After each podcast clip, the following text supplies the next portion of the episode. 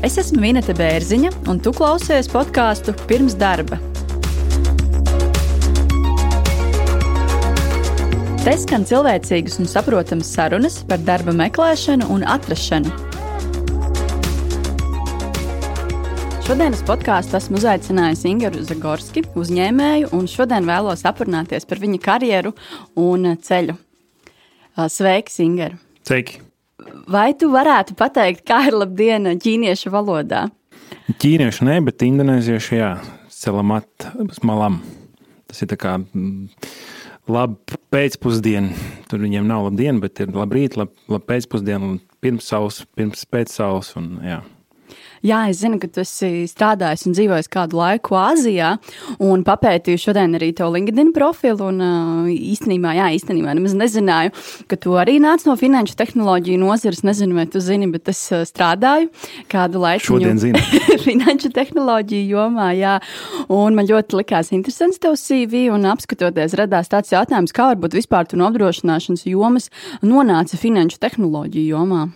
Patiesībā tas stāsts sākās vēl ātrāk, jo tas viss sākās ar to, ka nonācu skolā Tehniskajā universitātē, mašīnu būs fakultātē, kā inženieris un uh, topošais inženieris. Un, uh, tas viss bija principā vecāku ģimenes uh, kā, vadīts un uh, virzīts. Un es tajā vecumā vēl pats nu, noteikti nezināju, ko es gribu darīt. Un, uh, nezināju, kas es esmu. Nu, jā, es paļāvos tam spiedienam, bet man tā iekšējā sajūta nu, jau tad jau bija, ka tas īsti nav man. Bet aizdevos, jā, tad es uh, izstudēju par, uh, par, par inženieri. Vienā brīdī patiesībā nenožēloju līdz šai dienai. Tās tehniskās zināšanas un racionālā domāšana man ir ļoti palīdzējusi līdz šai dienai. Es domāju, ka arī turpinās palīdzēt to visu nākošo karjeru dzīvi.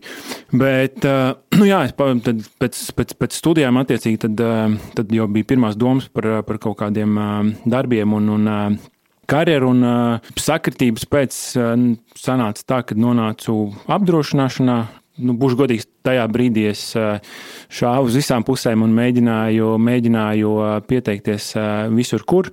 Un tad, principā, tas bija tas pirmais, jau pirmā, pirmā darba vieta, kuras nonācu apdrošināšana, tāpatās finanšu sfēra ir. Līdz ar to tad, Tā, tā sākās mans, mans ceļš šajā industrijā, un viņš vēl turpinājās pēc tam 15 gadus, šobrīd es esmu pilnībā tikai nomainījis uz pilnīgi citu sfēru. Un, un, jā. Tad es nepareizi uzdevu jautājumu, vajadzēja prasīt, kā tu no inženieriem nokļuvi uz apdrošināšanu.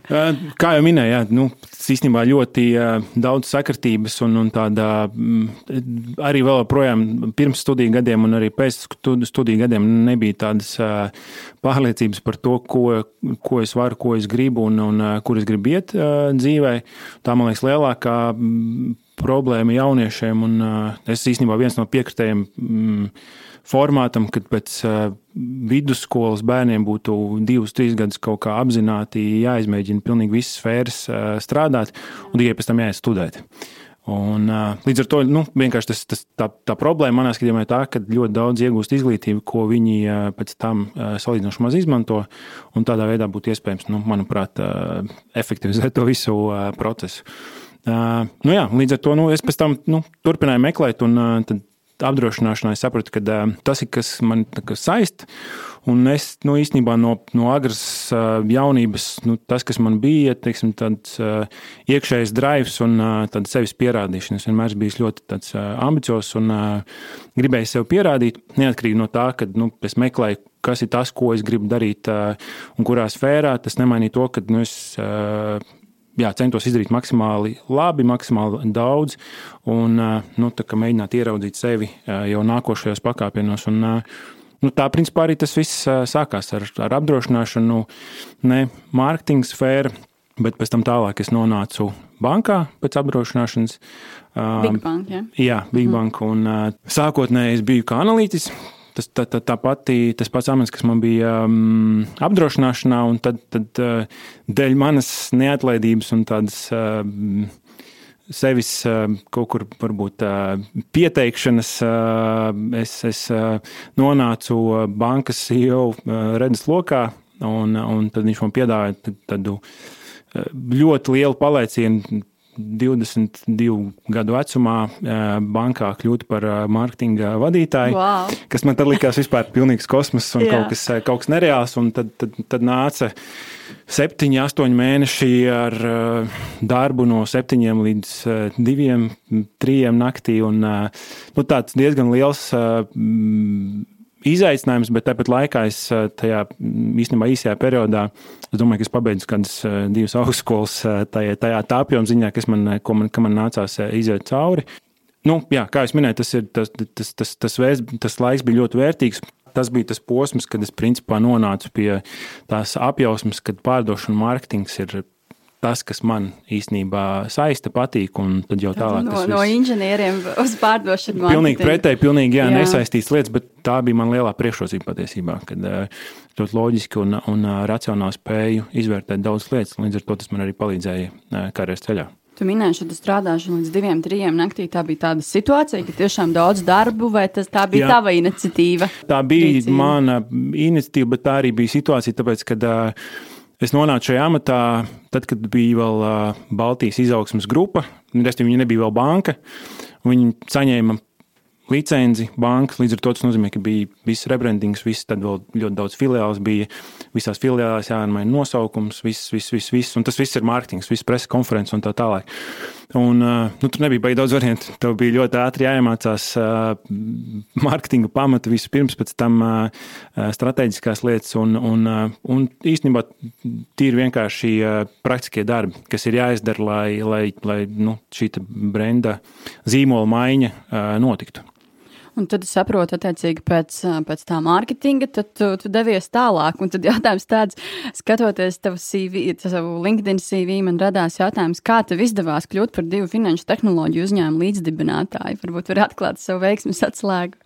Tas ir tas pats, kas man vēl 18 gados bija. Tas, um, tad nebeidzamā patiesībā, saku, tad virzīšanās uz uh, mm, pašu pilnveidošanos. Mm -hmm tas, kas man ir palīdzējis, domāju, es, nu, tad druskuļi nekaunība. Tas, ko es sākumā minēju arī par, par šo bankas uh, CEO, kas, kas toreiz bija Juris Pūce, un īstenībā viņš man arī ļoti daudz palīdzējis. Ir, karjeras tajā brīdī, šajā izaugsmē, un viņš arī ļoti noriskēja izvēloties mani uz šo, te, uz šo te amatu.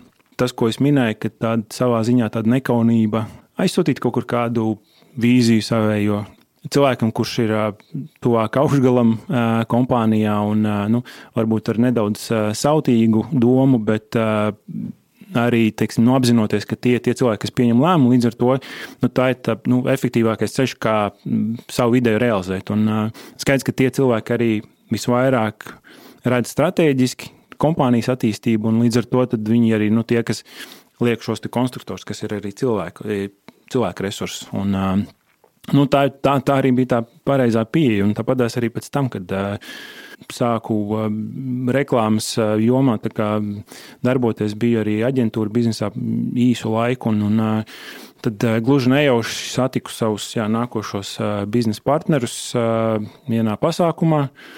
Sākām runā, runāties, un, un jā, es izstāstīju par savu pieredzi, un, un Viņš atkal savukārt izstāstīja par, par savām vēlmēm un, un plāniem biznesā. Un, jā, un tad mēs palikām pie tā, ka, hei, vajag aprunāties.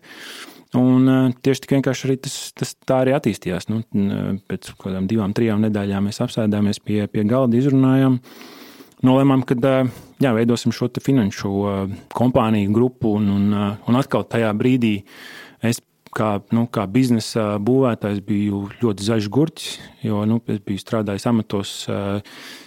Vadošos, bet tāpat tas nu, teiksim, nav būvēt biznesu un, un, un vēl vairāk startautisku biznesu. Tā kā atkal tas man bija tāds uh, liels izaicinājums. Un, jā, tas man baigi daudz jautājumu nebija. Es teicu, jā, darām. Super. Bet pirms tam nokļuvu attiecīgi šeit līdzdibinātāju pulciņā, cik atceros tavā LinkedIn profilā, skatoties, ka tev jau bija iepriekš šī pieredze finanšu tehnoloģiju jomā. Tad jautājums tāds, kas varbūt tev saista vispār šajā, šajā nozarē? Es arī pati strādāju, tad man ļoti gribās pajautāt šo jautājumu. Es pēc būtības esmu cilvēks, kuram ļoti saista tāda strauja izaugsme. Un, principā, tad, kad es nonācu šajā industrijā, banka un pēc tam arī For Finance grupa, šī nozara bija ļoti strauji augoša Latvijā. Un, kas nozīmē mārketingam, tas nozīmē to, ka tu, tu vari būt ļoti radošs, kreatīvs un, un tie izaugsmas tempi, ko, ko tu vari ģenerēt, ir ļoti strauji. Un, un tas bija tas, kas man ļoti saistīja. Tas dinamiskums. Tieši tā. Un tāda, nu, tā, tā spēja strauji iet uz priekšu, jo man tāds, nu, manai personībai sarežģītais ir milzīga kompānija, kas vēlās noturēt savu tirgus daļu stabilā tirgū un tev ir jādara rutīnas lietas katru dienu, tas kā, nu, man tas ir sāpīgs. Nav priekš tevis. Nu, jā, man ir ļoti grūti. Es to cenšos sevi audzināt, jo, nu, kā, tas, kas tev nepatīk, tas tev jāmēģina kaut kādā veidā iemācīties to iemīlēt. Bet tāda stabila kompānijas teiksim, turēšana vienā līmenī nav, nav mans drives, un man vienmēr ir patik, paticis jā, tiešām iespēja strauji iet uz priekšu, un tas man dod arī pašam tādu nu, iekšējo sajūtu, ka arī es attīstos un man, nu, es tieku spiests uh, pilnveidoties un, un uh, pielāgoties šīm, šīm situācijām. Un, uh, tas arī bija iemesls, viens no iemesliem, kāpēc bija šis nākošais izaicinājums, kas ir būt jau vienam no biznesa veidotājiem, doties uz tāliem austrumiem. Kas, kas atkal ir ļoti strauji augoša ekonomika un ar ļoti lielu potenciālu nākotnē, un ar ļoti lielu nesakārtotību šodienā. Un, nu, atkal tas ir tas, kas man ļoti uzrunāja. Jā, Teiksim, es gribētu ļoti jā, pāriet uz šo tēmu, un tas, kas man ļoti interesētu, īstenībā gan jau nojaut, nu, tā varbūt um, tā kā aspekts no, no, no, no, no šīs puses, kā tad notiek darbinieku meklēšana, attiecīgi Āzijā, tā, tā ir aust, tā ir Dienvidu Austrumāzija, kas, kas tā ir Dienvidu Austrumāzijā, jā, kā notiek tur darbinieku piesaista meklēšana un arī interesētu, kāda, kādas ir tās kultūras atšķirības. Es, protams, esmu dzirdējusi, jā, jo uzņēmums, kur iepriekš strādā arī atradās Dienvidu Austrumāzijā, un tie stāsti ir, ir dzirdēti gan, gan no tiem cilvēkiem, kas tur dzīvojuši, gan arī no Latvijas, no Latvijas vadītājiem, kas tur ir viesojušies. Tad, jā, pirmais varbūt jautājums, kas tās vispār bija par valstīm, lai, teiksim, tā klausītājiem ir tāda skaidra skaidrība. Nu jā, es varbūt sākšu ar to tādu praktisko stāstu, mm -hmm. kā mhm. mēs, kā mēs praktiski tur nokļuvām, kas, kas arī bija gan interesanti, jo man ir divas meitas. Un tad, tad kad, kad sākām šo biznesu, tad, tad manai vecākajai meitai tad bija vēl gads. Un tad, kad es pieņēmu lēmumu doties uz, uz, uz Āziju, tad Principā sanāca tā, ka uh, mana mazākā, jaunākā meita uh, piedzima, un uh, mēs sagaidījām doktoru uh, jāvārdu, ka mēs varam doties. Un, principā, mēneša vecumā uh, mēs aizlidojām uz, uz Āziju, vēl nezinot, kur mēs dzīvosim. Jā, paņēmām uz divām nedēļām Airbnb uh, dzīvokli. Yeah ar mēnesi vecu meitu. Uh, pa to laiku man bija jāatrod dzīvoklis, kur mums nu, pastāvīgi dzīvot. Un, uh, pēc divām nedēļām man jau bija jābūt Indonēzijā, kur mēs uh, plānojam kā, nu, startēt ar šo te, uh, finanšu biznesu. Jā, wow. vai, drīkst, vai drīkst tev pajautāt, ko tava partneri attiecīgi par to teica un domāja tajā brīdī, kad, kad bija jādodas uz to Aziju dzīvot, vai tu atceries? Jā, paldies Dievam, viņai arī ar šo ceļošanu ir tā, ka ar, ar savu pieredzi viņa ir dzīvojusi eh, trīs gadus Dānijā pirms tam.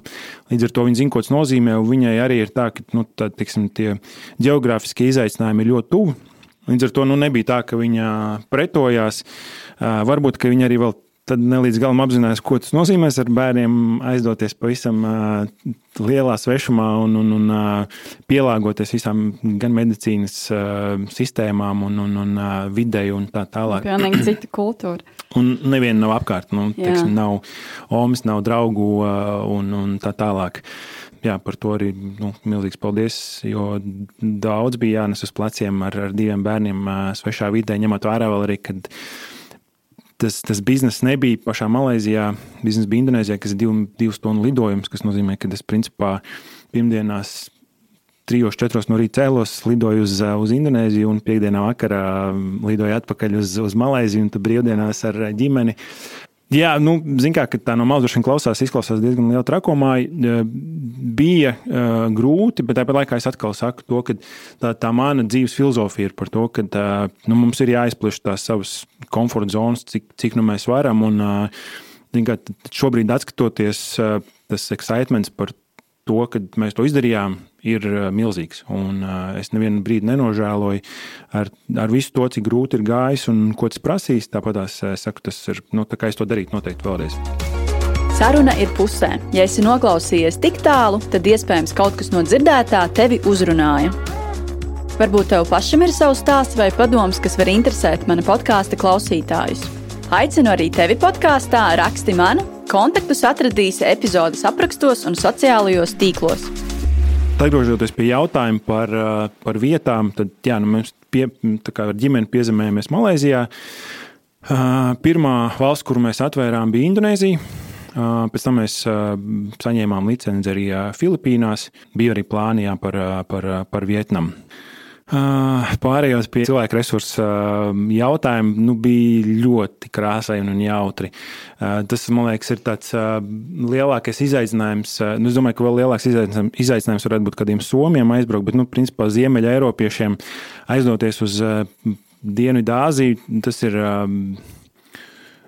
Nu, es pat nezinu, ar ko varētu to salīdzināt, bet nu, pilnīgi pretēji domājoši cilvēki, ja mēs esam uz efektivitāti tendēt, un nu, visam ir jābūt ļoti pa plauktiņiem. Un, ja šodien nenotiek, tad nu, tu jau sāc pukoties. Ja tas nenotiek minūtē, kurā, kurai tai jānotiek, nerunājot par dienu, tad, tad tur tā pieeja ir nu, pilnīgi pretēji šodien neizdarīju, nu, par ko nu, izdarīsim rītdien. Nu, rīt neizdarīsim, izdarīsim parītdien. Un, uh, katra diena ir jauna diena, un nevienam nav stress par neizdarītām lietām, stress par kaut kādām neveiksmēm un, un tā tālāk. Un tā ir tā lieta, ko var gan mācīties, gan, gan arī nevajag mācīties. Bet uh, tas pirmais, kultūras šoks bija ļoti liels. Un, uh, tad, nu, sākumā tā likās arī kā liela vilšanās, tāpēc, ka, uh, tāpēc, ka tu tu aizbrauc ar to savu mm, tādu ļoti lielo ambīciju un nu, to sajūtu, ka izdarīšu to un to, un es jums parādīšu, kā, kā jātaisa biznesa Āzijā. es zināju, ka nu, tā efektivitāte tur ļoti zema. Bet tas, tas, tas lielais šķērslis bija tajā, ka viņiem jau nevar. Nu, ja tev liekas, ka viņiem vajag tavu efektivitāti, tā nav. Un tev ir jāiemācās pielāgoties tai viņu mentalitātei un motivēt viņus pēc viņu saprašanas, nevis pēc, pēc taviem standartiem, kā mēs, kā mēs šeit to darām un, un kas ir tās lietas, kas, kas motivē mūs šeit Latvijā un darbiniekus, tad, tad tur tās lietas atkal pavisam savādākas. Un tas veids, kā tu ar viņiem runā, ir pilnīgi savādāks. Es nezinu, nu, piemēri. Kādu piemēru, jā, jā piemēri tur ļoti daudz ir, bet pāris, nu, teiksim, baltais cilvēks, es atvainojos, ka es, nu, tā kā rasēs dalu, bet vienkārši, lai pateikt to, to atšķirību, jo viņam ārzemnieki ir. Tas, ko viņi redz ārzemniekos, ir nu, teiksim, kaut kādas investīcijas un, attiecīgi, arī finansiālais labums. Un, nu, viņi viņus ļoti kā, nu, vērtē diezgan augstu. Un, līdz ar to baltais cilvēks ne, ne, nevar būt tas, kurš soda vai nosoda vai pārmet vai uh, kaut kādā veidā veic šos ierobežošos uh, pasākumus uh, komandā, jo tad nu, izveidojas iekšēji tāda savu veidu necieņa pret, pret šo te, vadītāju. Tas nozīmē, ka tev ir jābūt kā tam, kurš ir tas labo lēmumu pieņēmējs pieņem darbā, paaugstina algu, stāsta par vīzijām. Un tad ir kāds, kurš ir vietējais, kurš realizē sliktos lēmumus. Tās atšķirības ļoti daudz, kā, kā, kā, kā jau sākumā teicu. Nezinu, vēl, vēl no piemēriem, ko es varu minēt, ir par efektivitāti un par, par cilvēku izpratni, kas ir efektīvi un kas ir racionāli. Un, uh, mentalitāte ir tāda, ka viņi to teiks, ka mēs darām un mēs cenšamies un mēs nu, ļoti cītīgi strādājam. Un, nu, tad sākumā tev gribās ticēt no vienas puses, tāpat laikā tu sāc komunicēt ar vietējiem, bet ne vietējiem vietējiem, bet vietējiem ārzemniekiem, kuri arī ir vadītāji, citās kompānijās, jo nu, tur pārsvarā starptautiskajās kompānijās ir uh, vadītāji no, no, no Eiropas vai no Amerikas. Un, um, tu sāc apmainīties ar to informāciju, kas strādā, kas nestrādā. Tad, nu, piemēri mēs.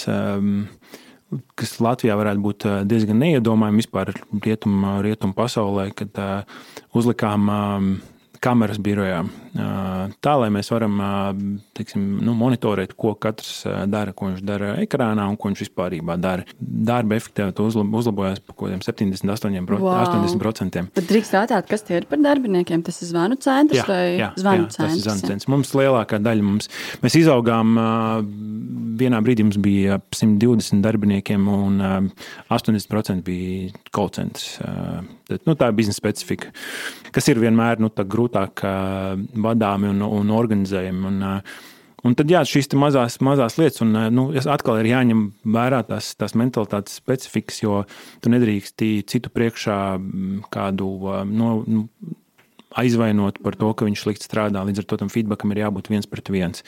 Uh, bet, bet Latvijā nu arī normāli vajadzētu būt tādā veidā. Jā, sētā. bet Latvijā nav tik ja ļoti sensitīva.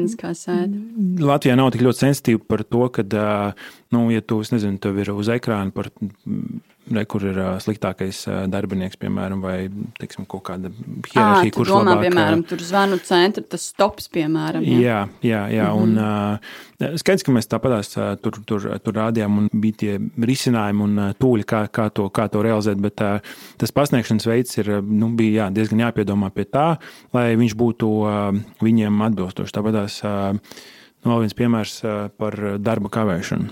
Pilnīgi normāli ir, kad viena un tā pati omīte nomirst sešas reizes. uh, tas ir iemesls, kāpēc šodien nevar ierasties darbā pilnīgi normāli, ka tev katru trešo dienu plīst motorolerim riepa. Jā. Un iemesls, kāpēc tu kavē un sūta bildes, ka viņš tur ir kaut kādā veidā. Bilde tāpat. Jā. Bildes varbūt pat ir citas, bet, bet, bet vienmēr ir kaut kāds iemesls tam, kāpēc kaut kas nenotiek. Un, un atkal tu viņam rādi ar pirkstu un nu, īsti tas rezultātu nedod. Un tad, tas, ko mēs ieviesām, kad par katru kavēto minūti tev ir jāsamaksā tās desmit tūkstoši rūpīs.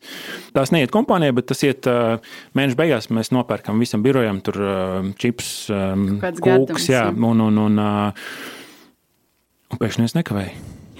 wow, vai vai Riepas vairs neplīs un omīts nemira. Metodas, jā, un, un, un, tad, nu, tad sāc domāt par to, ka, uh, nu, jā, kas ir tas veids, kā tu viņus motivē uz kaut kādu darbību. Un, un viņi to neuztver kaut kādā veidā slikti. Viņi šādas, te, teiksim, tos uh, ierobežojumus uztver ļoti normāli, tāpēc, ka tu nevienam nesaki slikti izdarīts vai, vai tie vienkārši noteikumi, ko visi zina. Un visu, un, protams, neviens negrib papildu samaksāt par to, ka viņš ir kavējis. Uh, līdz ar to viņš pēkšņi sāk sevi nu, kaut kādā veidā organizēt. Viņš spēj saplānot to laiku tā, lai viņš ierastos šajā darbā laikā. Man gribās arī nedaudz pieskarties darba intervijām. Ticu, ka droši vien arī es intervēju tur cilvēkus vai piedalījos intervijās. Man nesena pieredze bija pirms tādiem mēnešiem, ka arī intervēju. Uh, diezgan, diezgan augsta līmeņa speciālists tika meklēts arī no vienā no Dienvidu Austrumāzijas valstīm. Varbūt neteikšu konkrēti neatcerēt, kas tā bija pa valsti, bet intervijas, teiksim, tā bija ļoti šokējošas tādā ziņā, nu, varbūt pēc tā CV vai LinkedIn. Cilvēks izskatās diezgan labi, ok, un tad, kad tiek intervēts, tad ir nu, pilnīgi sauzes, tiek saprast, ka pilnīgi neko nesaprot no vadības vai no tā vispār, kas ir šī te, uh, konkrētā nozare un, un, un, un citas lietas. Un pats jocīgākais tas, ka šie cilvēki ir tik ļoti augstās domās par sevi, un tad, kad tiek sūtītas kaut kāda atteikuma vēstules, tad ir pilnīgi nesaprašana nu, nu kā tā var būt? Es taču esmu tik lielisks kandidāts. Vai tu kaut ko līdzīgu pieredzējis? Jā, noteikti. Un uh, es mēģinu vienkārši tagad ātrumā salikt tās domas par, par, nu, par tiem iemesliem, kāpēc tas tā ir. Un, uh, Jāsaka, ir tas kopējais izglītības uh, līmenis tieši Dienvidu-Austrumāzijas valstīs, uh, Indonēzija, Filipīnas, Vietnama. Viņš nav pārāk augsts, līdz ar to Tas ir likumsakarīgi. Un, uh, ir likumsakarīgi, kāpēc uh, viņam nu, ir diezgan izteikta patiesībā tāda uh, pašprotekcioniska tā mentalitāte, uh, un, kas ir labi, jo bez tās viņam būtu nu, īstenībā nu, savā ziņā grūtāk, uh, grūtāk izdzīvot. Līdz ar to uh, viņi apzinās, un, un arī Eiropieši apzinās, ka nu, tās, tās, tā skola un tā, tā praksa, ko, ko ir iegūši Eiropā un, un Amerikā, ir augstāka līmeņa. Bet tāpat laikā viņiem, saku, nu, viņiem tas iekšējais projekts un tiksim, lokālās kompānijas ļoti rēti ņem Eiropiešus un, un amerikāņus, austrāļus. Un, Un tam ir, nu, tam ir tā, tā, tā, tāda iekšējā tā, saka, tā, tā aizsarga viņu reakcija, un tas tas veids, kā viņi izdzīvo. Uh, bet atbildot uz to tavu komentāru, tieši tā arī ir. Un tā, diemžēl tā kvalitāte. Uh, vietējos kadros ir nu, diezgan, diezgan zema. Un, un, ja viņi ir, ja tu atrodi kādu, kurš ir nu, teiksim, jēdzīgs un ar nu, tavā skatījumā teiksim, ar spēju iegūt rezultātu, ko, ko, ko tu sagaidi, tad, tad, tad, tad atkal tas materiālā investīcija ir ļoti liela, lai, lai šādu cilvēku teiksim, noalgot. Un pārsvarā tāpat tie ir, tie ir vietējie, kur ir devušies izglītoties uz ārvalstīm, respektīvi uz, uz Eiropu vai, vai uz Ameriku. Ideālā gadījumā vēl arī iegūšu kaut kādu pieredzi. Un tad tas, tas īstenībā ir tāds ideālais kandidāts, jo viņš ir ar to vietējo mm, mentalitāti un vietējie vienmēr ir pieņemti labāk. Līdz ar to viņi arī daudz vairāk var virzīt kaut kādus projektus, kas ir nezinu, ar, saistīti ar, ar valsts institūcijām un ar nepieciešamību kaut kādu sadarbībai ar vietējiem uzņēmumiem, bet tādu ļoti maz. Un tādus nogūt ir ļoti, ļoti grūti. Tāpēc, nu, jā, es pilnīgi piekrītu tam, ko tu saki. Ir ļoti grūti un ir ļoti daudz jā, jā, jāiegūt, jāiegūt pašiem sava laika un zināšanas, lai, lai tie cilvēki būtu teiksim, nu, kaut, kaut nedaudz tuvotos tam, ko tu sagaidi. Bet, zināt, tur kaut kādu nu, tur ar laiku tu pie tā pierodi, un tas nu, tu, maina to standartu pret, pret, pret tiem vietējiem. Tu saproti, kas tas, ko nu, viņi var sagaidīt, tu mēģini izmantot tās viņu stiprās puses un kaut kā veidā nu, citādi aizvietot tās, tos mīnus, kas, kas, kas viņiem ir. Un, un tāpēc ir nu, tas, ko mēs veidojam, diezgan liels miks starp, starp ārzemniekiem un vietējiem. Mums bija kopā, mums grupā bija darbinieki no astoņām vai deviņām valstīm. Līdz ar to mēs mēģinām nu, veidot tādu multikulturālu, iekšējo sabiedrību, lai arvien labāk mēs izprastu arī tās, tās, tās dažādas kultūras un, un jā. Es ar vēl vienu pieredzi ar tevi gribu padalīties, un gribu varbūt pēc tam pakomentēt. Atcerējos arī pirms kāda laika mm, piedalījos atlases konkursā, kur atlasīju uh, Latvijā dzīvojošus uh, cilvēkus, kuriem ir, kuri nāk teiksim, no Vietnamas oriģināli, kuriem ir valodas zināšanas. Un man pārsteidz pirmkārt tas, ka ir diezgan daudz šādi cilvēki, kuri dzīvo Latvijā, un otrkārt, jā, kas man ļoti pārsteidz šajās intervijās, kas toreiz vēl klātienē norisinājās. Šobrīd jā, viss notiek citādāk, kā jau tu zini tie cilvēki ir tik ļoti laipni. Latvijā nu, mēs neko tādu neredzēsim. Jā, šī laipnība un šī tā tāda pazemība. Vai tu kaut ko tādu esi pieredzējis? Jā, pirms, es, pirms mēs pārvācāmies ar ģimeni, bija vēl kaut kāds 8, 9 mēnešu periods, kad es devos uz Indonēziju pa 2, mm, 3 mēnešiem.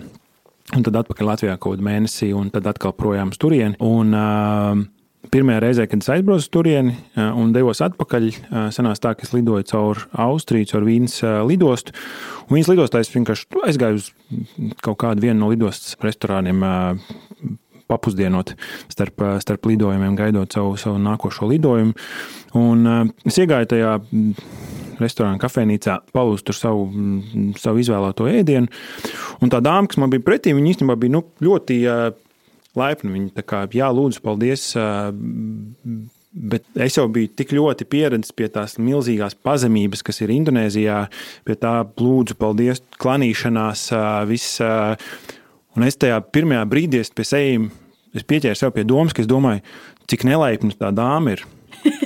Un uh, es, es veicu to savu pasītību, samaksāju, aizgāju, un tad sāku pie sevis nu, griezt atpakaļ to bildi. Un sapratu, ka ne, īstenībā nebija nelaipni. Vienkārši tā ir tā mūsu Eiropas normālā, nu, it kā normālā tā, tā runāšana, bet viņi ir bez tās nu, ļoti pārspīlētās tās, tās pazemības.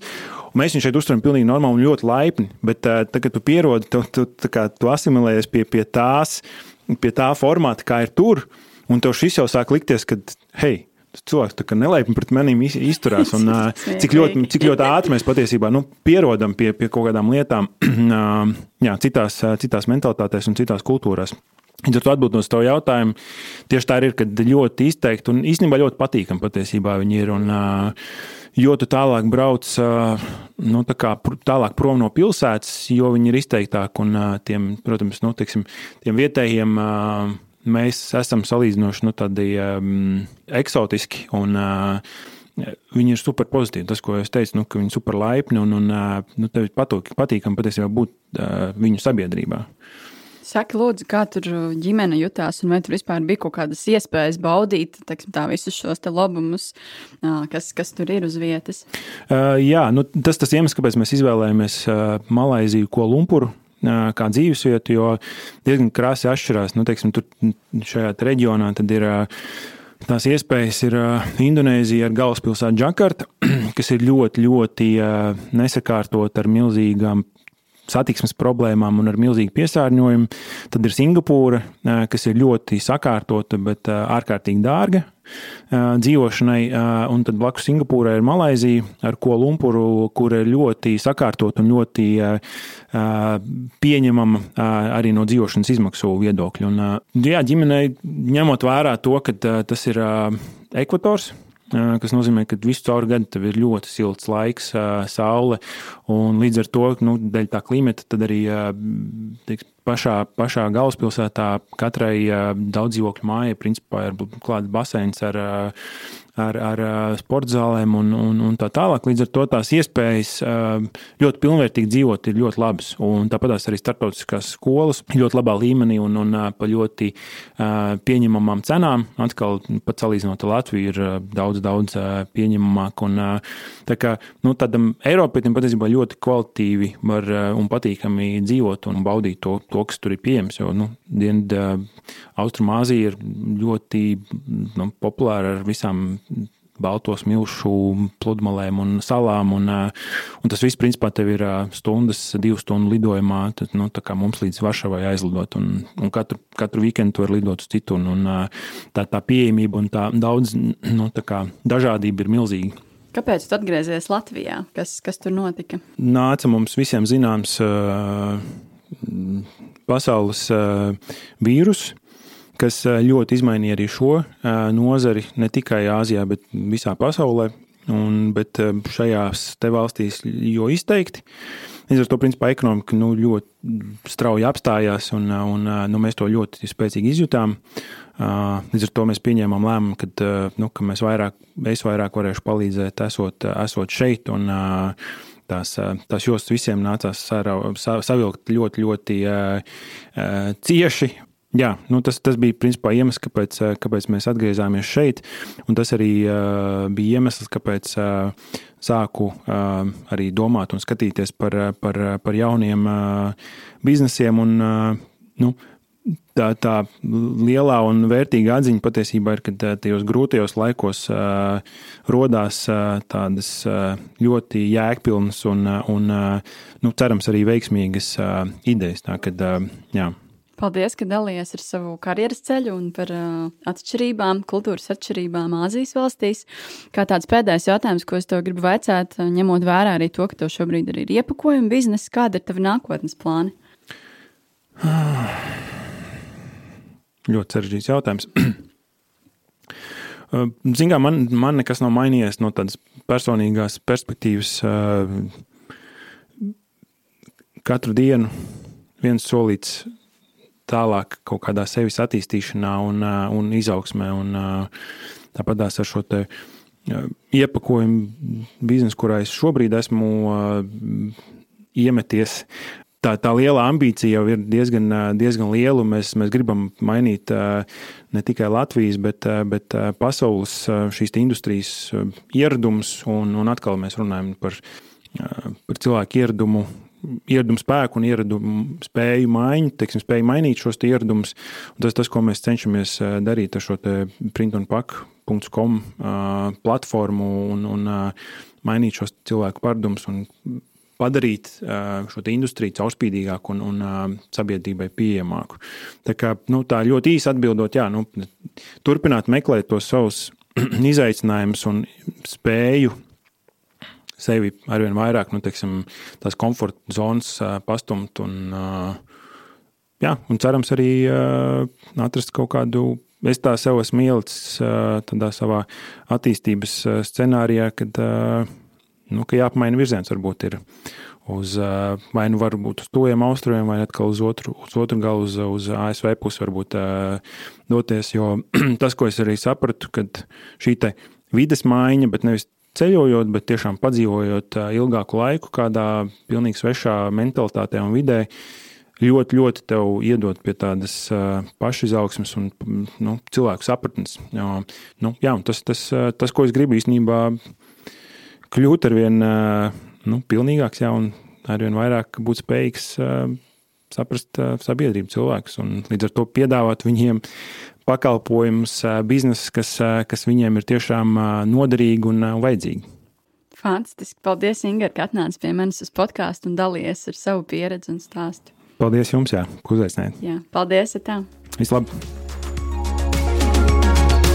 Tu noklausījies podkāstu pirms darba. Lai nepalaistu garām nākamās nedēļas epizodi, seko maniem ierakstiem LinkedIn un Facebook. Abonēt jaunās epizodes un noklausīties iepriekšējo sezonu intervijas var visās podkāstu platformās un YouTube. Ja esi pozitīvs un vēlies atbalstīt manu darbu, raksti komentārus un pārsūti manus ierakstus savam draugu pulkam. Uz tikšanos podkāstā pirms darba!